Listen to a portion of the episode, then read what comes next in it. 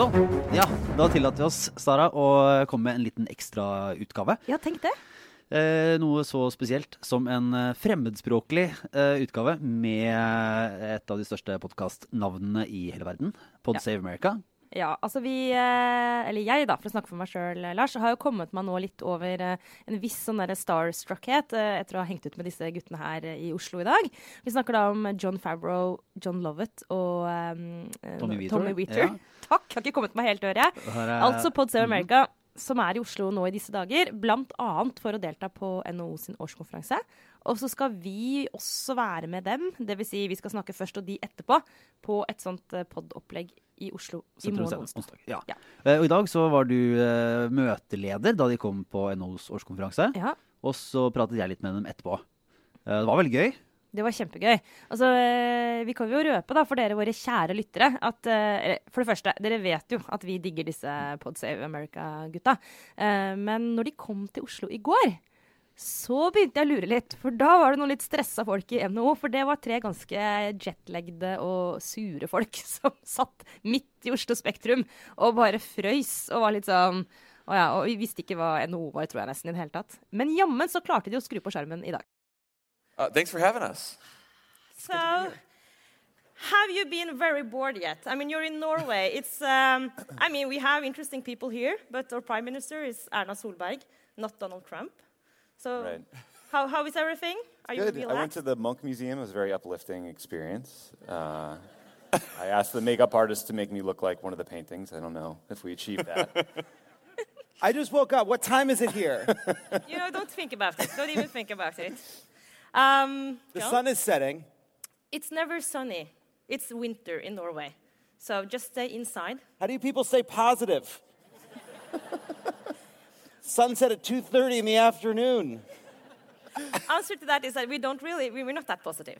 I see. but uh, we are trying. The, the theme of this conference is the value of work, and we're trying to have a conversation about how how do we keep this society that we are quite proud of. We are say that. Uh, how to keep this thing going for decades and decades. Right. Uh, there are some um, yeah some clouds in the horizon, uh, but the What's value it like of to have clouds in the horizon? What it's like? We're covered in them. what a pleasant thing like it is fog? to have a conference about the future. We're trapped in a nightmare present. We're dealing with things all the time right now. We are people trying to drag us backwards. yeah, but how do you do that? It's terrible. We don't know. We're here to help. We're here to find out what to do. Okay, so let's I'm not quite together. interested in your future problems. what are we going to do? How are we going to maintain a, a social welfare system 80 years from now when we run out of oil? We are in a pro- we have problems now. We, We give everyone health care, but will it last? Okay, How so let's dare start, you? Let's start How with your dare you? problems. How dare you call these problems? Look at you, so self satisfied. Where's that prince? Where's the prince? Jon, they're over there. Where's the prince? So you have a prince. We have Don Jr. what are you worried about? Take calm down. We're gonna be fine. Yeah.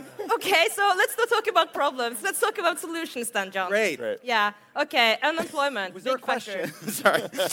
Never mind questions. Questions are very last year. So yeah, but solutions. Yeah. Okay. So say we have the same problems in a few years that you guys have now. Then, uh, big parts of you. I mean, people. Uh, you don't have enough jobs. How does that affect the politics? Would Trump even have been elected president if the, the rates would have been better during elections? So uh, there's been a fierce debate about that in the United States. I think it is, look, in an election that was decided by 75,000 votes across three states, um, it's possible. But when you look back at, so there's all this political science research that, you know, if the economy is growing uh, in a presidential election, then that usually helps the incumbent. In this case, the incumbent would have been Hillary Clinton. If the economy is sluggish, it helps the challenger. Um, in the 2016 election, it was sort of on the edge, which would have spoken to a pretty close election, which is what we had. Um, but a lot of research has been done since the election, and it, it, it looks like economics were not the driving factor in people's decision, people who voted for Trump, and that um, racial animus was actually a much stronger indicator of being a Trump voter. So Trump voters were largely white, but they came from the upper income scales and they came from the lower income scales. So it wasn't, it's not necessarily the economy that actually um, helped elect him. Let's say you don't want Trump as a president. Is, let's just say you don't want that. I assume you don't. Uh, is that a good thing or a bad thing? Can you fix it?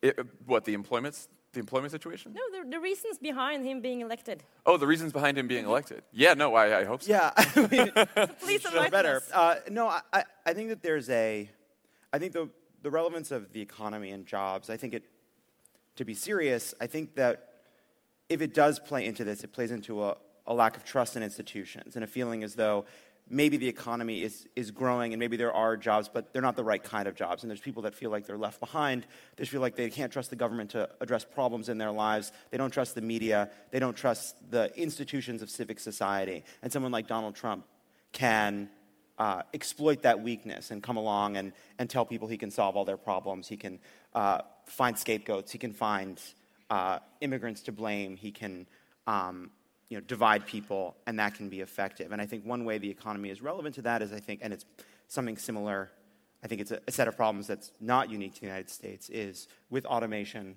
um, with widening chasms between rich and poor, um, even if the economic numbers overall look okay, there are millions and millions of people who feel like the world is changing and leaving them behind. Yeah. Um, and that leaves us vulnerable. And I think one of the things that, that connects what a country like Norway is going through and a country like the United States is going through is how do you adjust what government policies you put in place uh, to not make those problems worse, worse. And I think right now the United States is in a very bad cycle, and a cycle of uh, that mistrust leading to us going backwards. So we have widening chasm between, between rich and poor in the United States. And so what did we just do? We passed corporate tax cuts and uh, um, which will, and, and deregulation. And now the next phase for our Congress is going to be try to to reduce the welfare state when people are depending on it more than ever. So I think making sure that in that environment of mistrust, in that environment in which people feel left behind, that the policies you put in place create opportunity, create more egalitarian uh, systems so that people can get ahead and trust will sort of Yeah. slowly. The core, start the to come core of our the core of our economic challenge in the United States is sluggish wage growth combined with a fraying social safety net, um, and those two things mean that there's a lot of people with who even the people who have jobs, um, some of them are still in poverty, or some of them are just above poverty.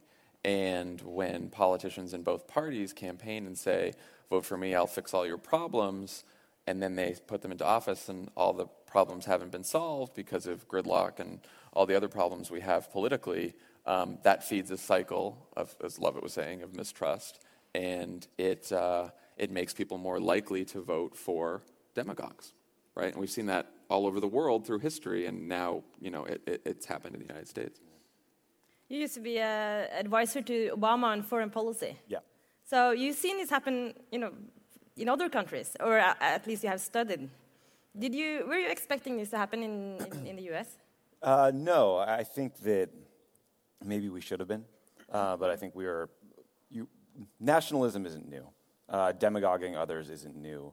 Uh, you know, using anger and frustration to incite people uh, to support you and to condemn another is not new.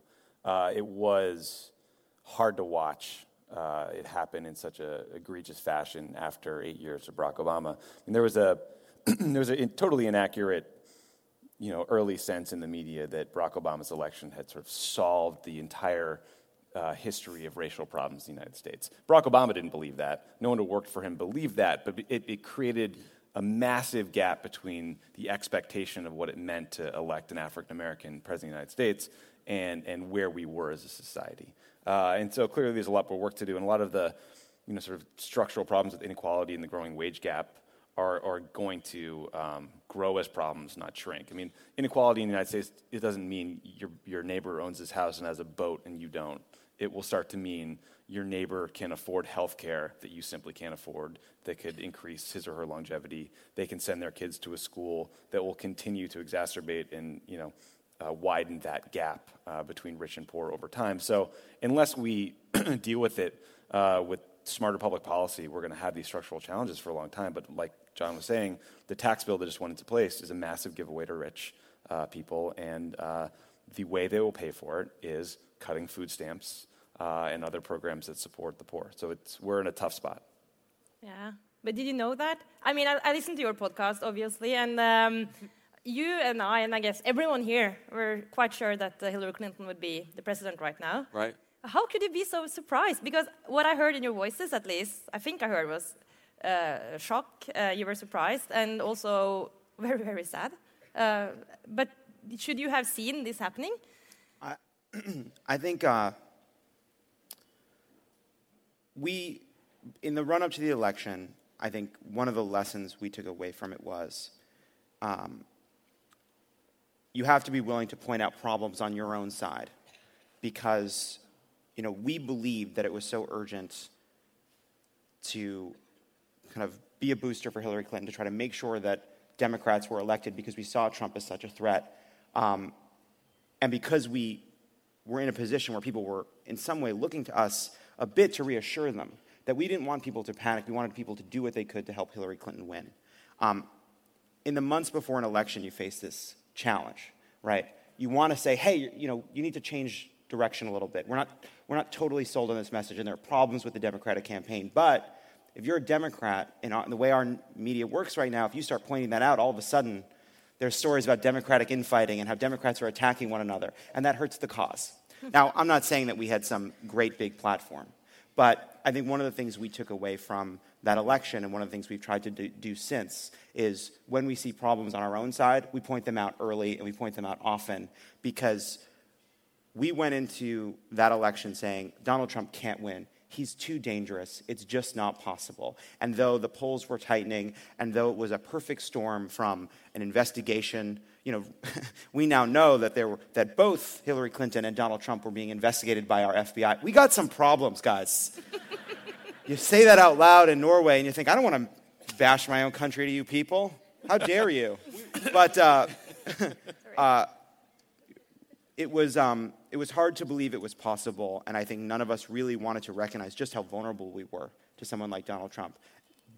A few hundred, th- uh, you know, a few dozen thousand votes in a few places, we're not having this conversation. It really was a perfect storm. So I think the question is not to ask, why were you shocked by the election? The question is, even though Donald Trump should have lost, what allowed it to be close in the first place? And I think the twin, co- twin challenges of economic inequality and racial animus were enough to offer well, an explanation. We'd never, we'd never had a candidate who so overtly racialized the election before. So we've had Republicans since the days of Nixon um, kind of throw out all these racist dog whistles um, because they wanted to win over Southern white voters who had been Democrats before. So we've seen this over time in the United States, but we ne- even even when the Republican opponent, when the Republican running was running against Barack Obama, first, Afri- first African American president, neither John McCain nor Mitt Romney made such overt appeals to people's fears and anxieties about race and about immigration as Donald Trump had. Donald Trump launched his entire political career by saying Barack Obama was not born in the United States, was other, was different than you, yeah. was somehow scary, didn't love America, didn't care about you and your values, apologized for America. It was this specious garbage from day one. And I don't think that we were prepared for what that might do. Even though it's funny because we all saw Brexit happen. And I remember a bunch of commentators in the United States saying, you know, if it can happen in the UK with Brexit, then uh, it can happen over here with Trump. And, and we thought, that's crazy. You know, America's the big melting pot. We embrace diversity. Barack Obama is our president. And that can't happen. And I think the lesson of 2016, the lesson of Brexit, the lesson of, and you guys have obviously seen this happen uh, throughout Europe with some of these far right parties, is that um, nativism um, is a very potent force. Yeah. Um, and um, I think that center, center right, center left, left parties across the world um, need a strategy to combat that nativism and take it on head on. Um, and sort of address some of the underlying anxieties that allow that to fester. But, you know, the other thing that's important to note is the fact that we were vulnerable to Donald Trump at all tells us there were big problems and big issues we weren't addressing. But the majority of the American people did not vote for Donald Trump. The majority, of, the majority of the American people voted for Hillary Clinton. Donald Trump has never been popular. As of this moment, he has a 35% approval rating. Mm-hmm. And one of the things that came out of the shock and horror of, of Donald Trump becoming the president of the United States, which has had obviously global ramifications that we're all dealing with, is it has awoken something in the United States. Um, you know, we host a podcast. It is popular. It is not popular because the three of us are so wonderful, though that's part of it. Uh, that's the best thing that happened you know, uh, no, when Trump was elected. Was you know this happened? Well, it's something. You can say that, uh, but uh, there's an energy and an enthusiasm that out of the fact that uh, we saw these vulnerabilities, we saw this rise of nativism, we saw this person put in office. Uh, millions of people are protesting. You know, the day after Donald Trump becomes president, we have the largest protest in the history of the United States, and we're a country that likes to protest. We had, you know, the, the, they put in place uh, a Muslim ban, and then tens of thousands of people show up at airports across the country. Uh, they, the Republican Party, which has in many ways capitulated to Donald Trump, um, tries to pass a health care bill, and four times the opposition, which didn't control any power in Washington, was able to stop it. So, uh, the one thing I think is important, especially because we're here, is there is good news, and the good news is we are being forced to confront some of the worst aspects of our culture, uh, and we're no longer allowed to pull the wool over our eyes. We're no longer allowed to pretend it's not happening. Uh, we've been confronted by, I think, an existential problem, and a lot of people are rising to it. So, what's happening in our government uh, is not what America is doing, that there are millions of people fighting back, and hopefully that can lead to something more positive after Trump is gone. Yeah, because you're onto solutions now aren't you? Very positive. Yeah, you are Very quite positive. positive. Are you? Yeah, sure. No, I mean, it, it, seriously? It's easy are to you? view. Yeah. Politics yeah. is viewed in zero-sum terms because uh, the stories that are written if Donald Trump wins versus Hillary Clinton wins are night and day. But you're talking about a small, very thin margin of votes and individuals who ultimately tip it one way or the other.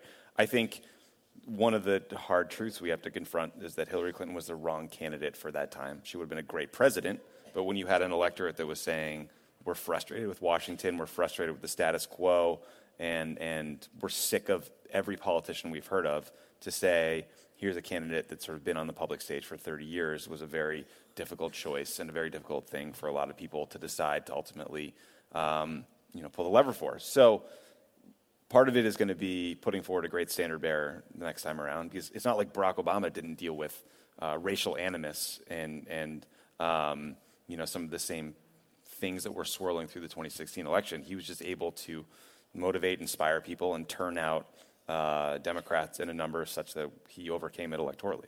Yeah, I don't, I, just, I, I don't know if you guys all saw. Uh, Oprah will be our next president. we got it all covered. Okay, that, because that's it's all taken. Okay, before we end this, we still have some time, but we have to talk about Oprah just for a few seconds sure. later. Okay, don't forget. I, did, I interrupted also... Jon. He was going to make a smarter and, and, real point. No, no, no, no. Go ahead. Go ahead. Let's no, you had something smart to say. I can, didn't you? I'm going to save pretending? it for the Oprah thing. no, but we were talking about solutions uh, and uh, how society can fix itself then, right? So uh, uh after the elections, you three guys sounded a little down. If a little bit. That, that's correct. Yeah. Yeah. Uh, no, we don't. And maybe it's because your podcast is uh, going well, but uh, maybe there's a few other reasons. Um, I sense some new kind of activism. Uh, is that correct? Is yes. Oh, completely. Yeah. So tell I've, me about that. I have not seen uh, this level of activism in the United States since the early days of the Obama campaign. So how does that feel? It feels inspiring. It feels hopeful. I mean, if there's a if there's a silver lining out of this uh, this whole dark Trump presidency, it's that um, the American people will wake up and embrace their responsibilities as citizens. I think there in our country for a long time there was a view of politics that was a transactional view of politics. So that if you do show up to vote, you hand the politician your vote, you go on with your life, and then the politician goes to Washington and they fix your problems. And that's never how our democracy has been envisioned. uh, the, the purpose of our democracy is, you know, we always say this, it's an everyday fight, it's an everyday struggle. Um, you wake up and you protest if you have to, you call your congressperson if you have to, you run for office yourself if you're, if you're not happy with it. That's, a, that's an American tradition that goes back for hundreds of years. And I think, um, I think we were, you know, one result of this election is a, a, realization that we were asleep at the wheel a little bit. Hmm. And now you don't see that anymore. And, you know, even doing this podcast and as we tour America, which we've been doing, we have people come up to us all the time who say, you know, I've never been involved in politics before. I've never paid attention to politics yeah. before. Now we're gripping the wheel like it's blinding snowstorm. right. we got to get home. And now, and now they know all these things about American government and politics that just like nerds like us knew because we worked in the White House, you know. And they're like, let's talk about the filibuster. And yeah, the filibuster. About, right. We know that because we watched uh, West Wing. Well, West, right. Yeah. yeah. exactly. But people know all these intricacies of, of government because everyone's paying attention now. And I think you saw in the special elections in Virginia in Alabama, where a Democrat won a Senate seat for the first time in 20, 30 years, um, you know, I think that there's going to be a resurgence, and that's a, that's a very good thing. So let's say that we are, uh, without knowing, asleep at the wheel here in Norway. Right. So what are we? What should we look for? Like, what's the signs? if we are, if all of us are actually sleepwalkers right now, uh, how how to wake us up? What should we look for? What's the problems that we should be able to see before it hits us really hard? I think the I think anti-immigrant sentiment. Yeah. I think nativism. I think beware of demagogues and politicians who promise easy answers, who um, offer easy answers in terms of who to blame for your problems. Um, the problems that any nation faces are collective problems that require collective action. And I think that countries in Scandinavia and Nordic countries know that and, and act on that better than most. Um, but that's something to keep in mind because when things go wrong, there will be politicians who say, this has gone wrong because of this person or this group of people.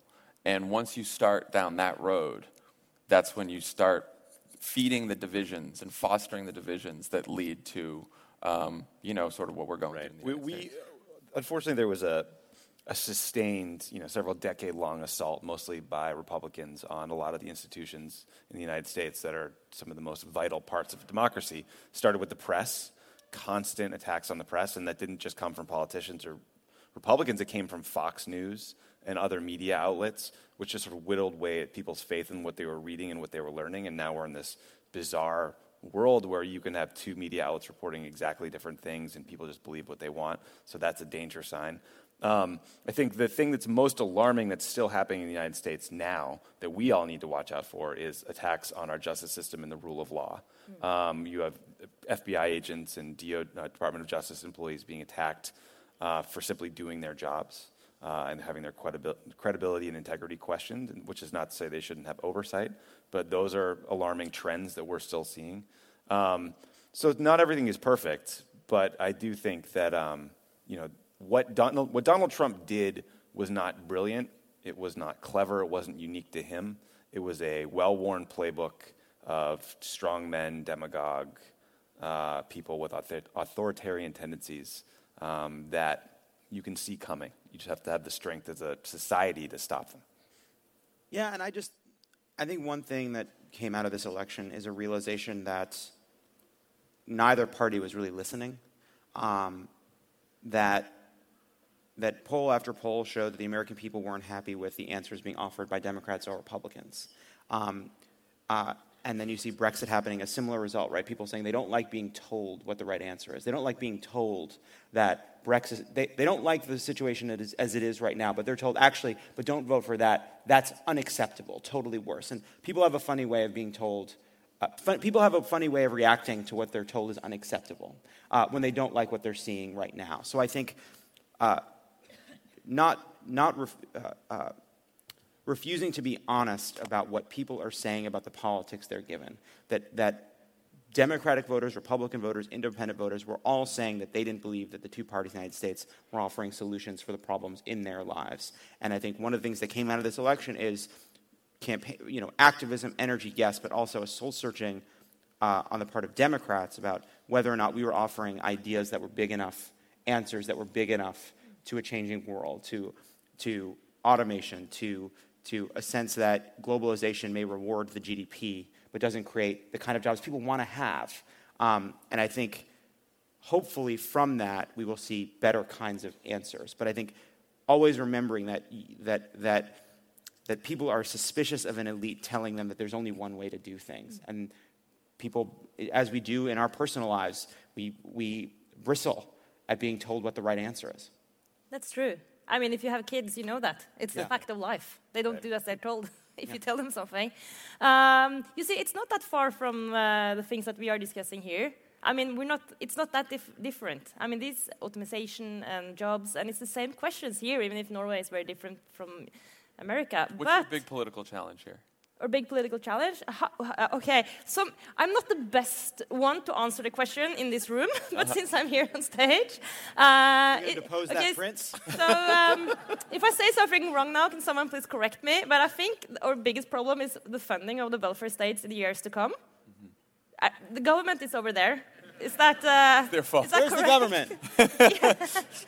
the, the minister of work, if she nods.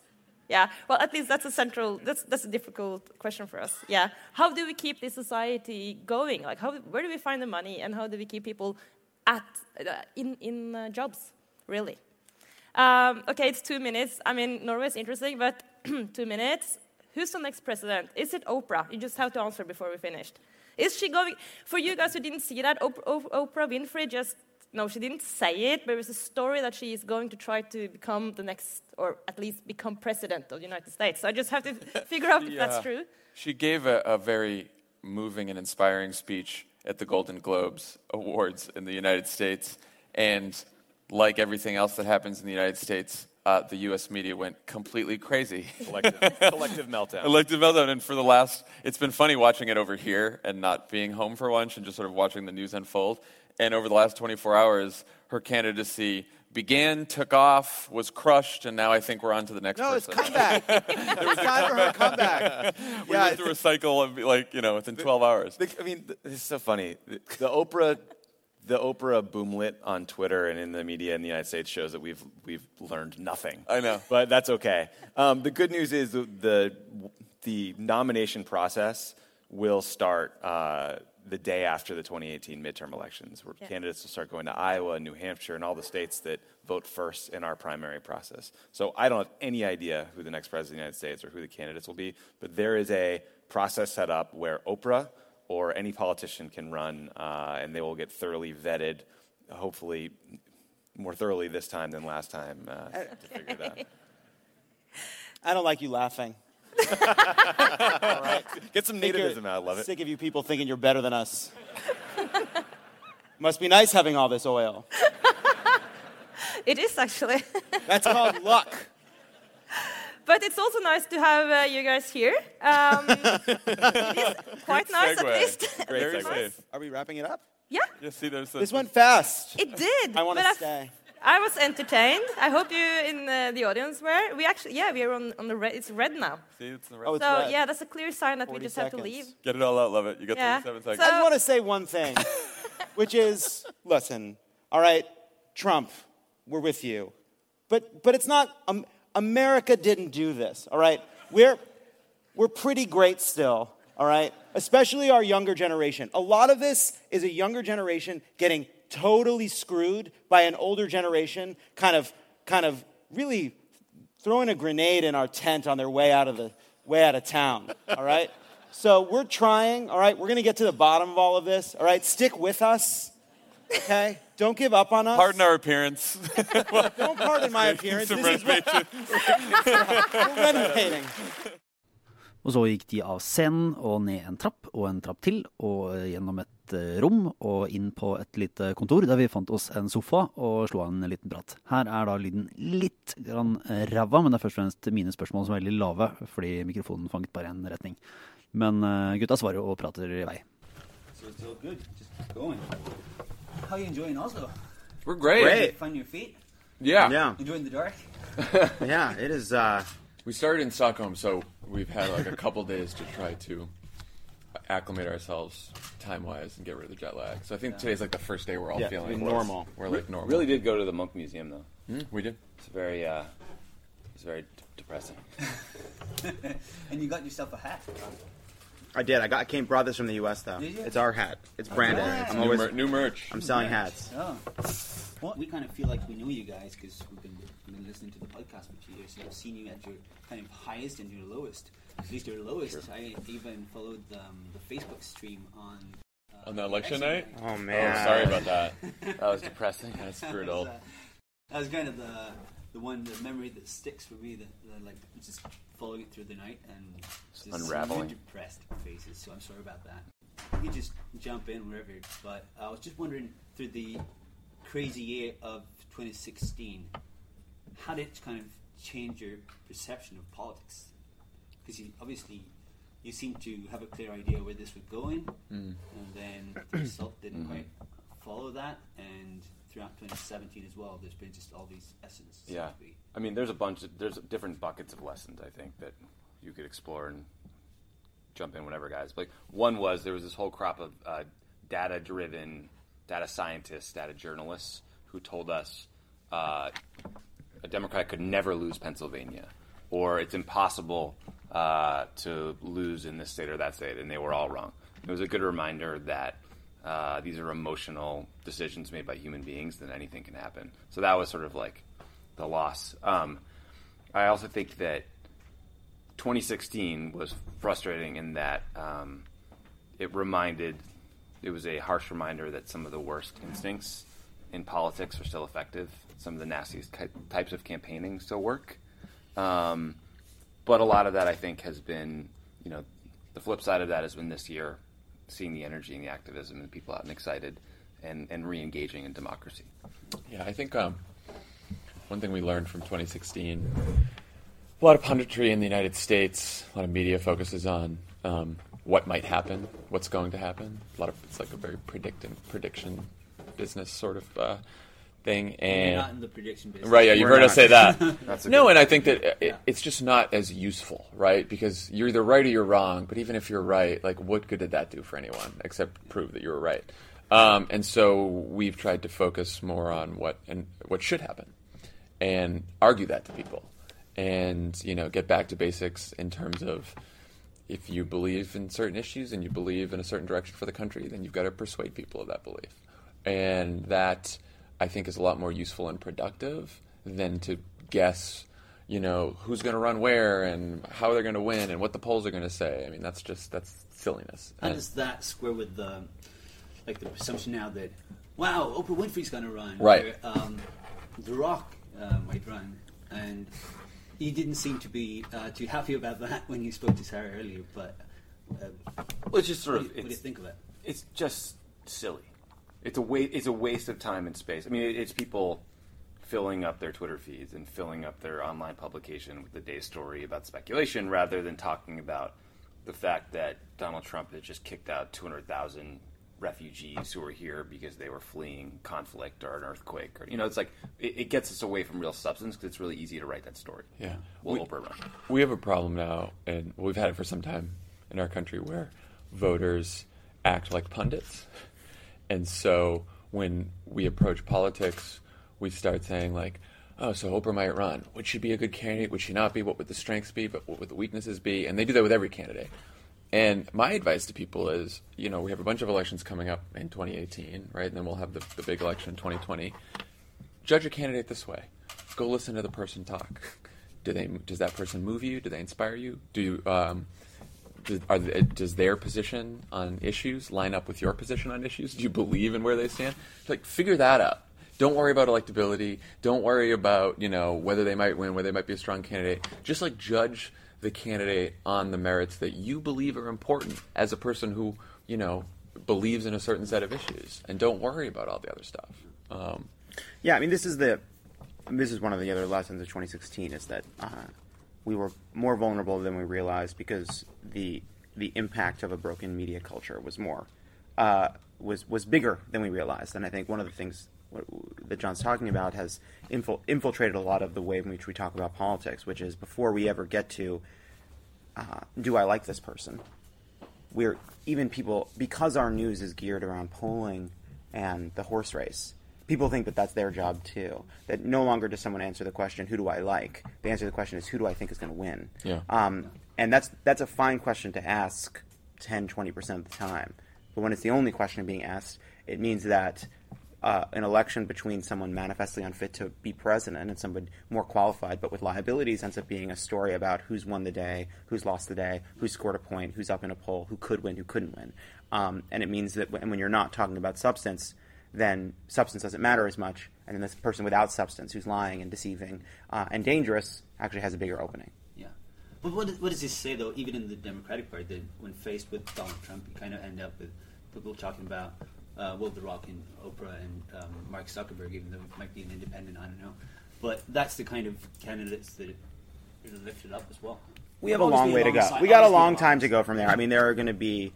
I think that Donald Trump being winning the election has shaken people uh, and left them unsure a lot about a lot of the rules of politics. You know, uh, what matters, what doesn't, who's the right kind of candidate, who isn't, and I think that's a hard thing to sort out. And I think we're sorting that out. Um, before we ever get to 2020, we have a big election in 2018, which is actually playing out in a pretty traditional way. We have, you know, we're fielding good candidates. There's a lot of Republicans who are retiring. There's an opportunity to win the House and win the Senate, and that's really exciting. After that, I think we'll see every kind of candidate. You know, we will see uh, senators and governors. We will see maybe people that are uh, from from the corporate world. We'll we'll maybe see a celebrity or two that are famous for being on television or or, or in entertainment. They may throw their hat in the ring, and then we will adjudicate that argument. Um, but I think people feel people want to talk about it now. People are worried about it now because even as 2018 approaches, we know that this 2020 election will be so important. Donald Trump ran for president because running for president gets you media attention. So it's a bit of this circular cycle. Yeah. Um, that doesn't mean that those people will necessarily always succeed or be what voters want. One of the reasons we're talking about Oprah right now is she gave this speech at the Golden Globes that was really inspiring and moving. And I think that a lot of people, a lot of Democrats, people in this country and the United States, hadn't been moved or inspired by a speech or by a, a political figure in a long time. And so I think whether it's Oprah or any other candidate, and whether it's in 2020 or 2018, um, something that Democrats should remember, and Democrats who are running, is that there is still this hunger and yearning out there to be inspired, right? And we've sort of forgotten that because Donald Trump's our president and he doesn't really do the inspiration thing.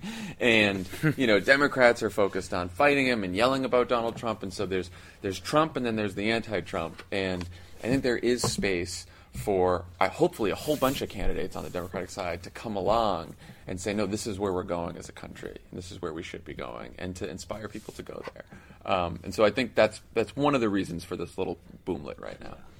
If you could, if you could go back, and would you rather have had eight years of Hillary Clinton rather than Obama, and then four years of Jeb Bush, or would you have eight years of Obama and then four years of Donald Oh, Trump? man. I'm going to go ahead and not It's like answer Saw that movie. question.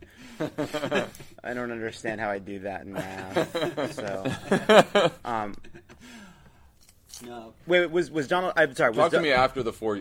I could answer that after four years of Donald Trump. Yeah, better. I think it's unknowable. we'll see how bad it gets. how how worried are you right now, though, About by Trump. Donald Trump? Yeah, on a scale from one to ten, kind of, especially Um, internationally, I guess. constantly worried. I, I think that when you have someone that that is so like utterly lacking in character and empathy and seems irrational, um, it's worrisome to have that person in charge of anything. Because I don't think like for me the I, I'm not worried about the the him nuking a country. That's not like what keeps me up at night. It's the constant like grinding away at America's standing in the world and our reputation and our alliances and our ability to get things done through traditional diplomatic means and, and you know robbing the State Department of employees and time and, and effort. Like I think I think those things that he's doing, like the way he's just undercutting institutions, including the Department of Justice, that worries me greatly every day. I do think, I mean, I'm proud of the way people stood up to him. I'm proud of what Democrats have fought off. The fact that Obamacare is still the law of the land is incredible. But, um, you know, it's going to be a four year fight. Yeah, I try not to spend too much time worrying about it because I don't think like worrying doesn't lead.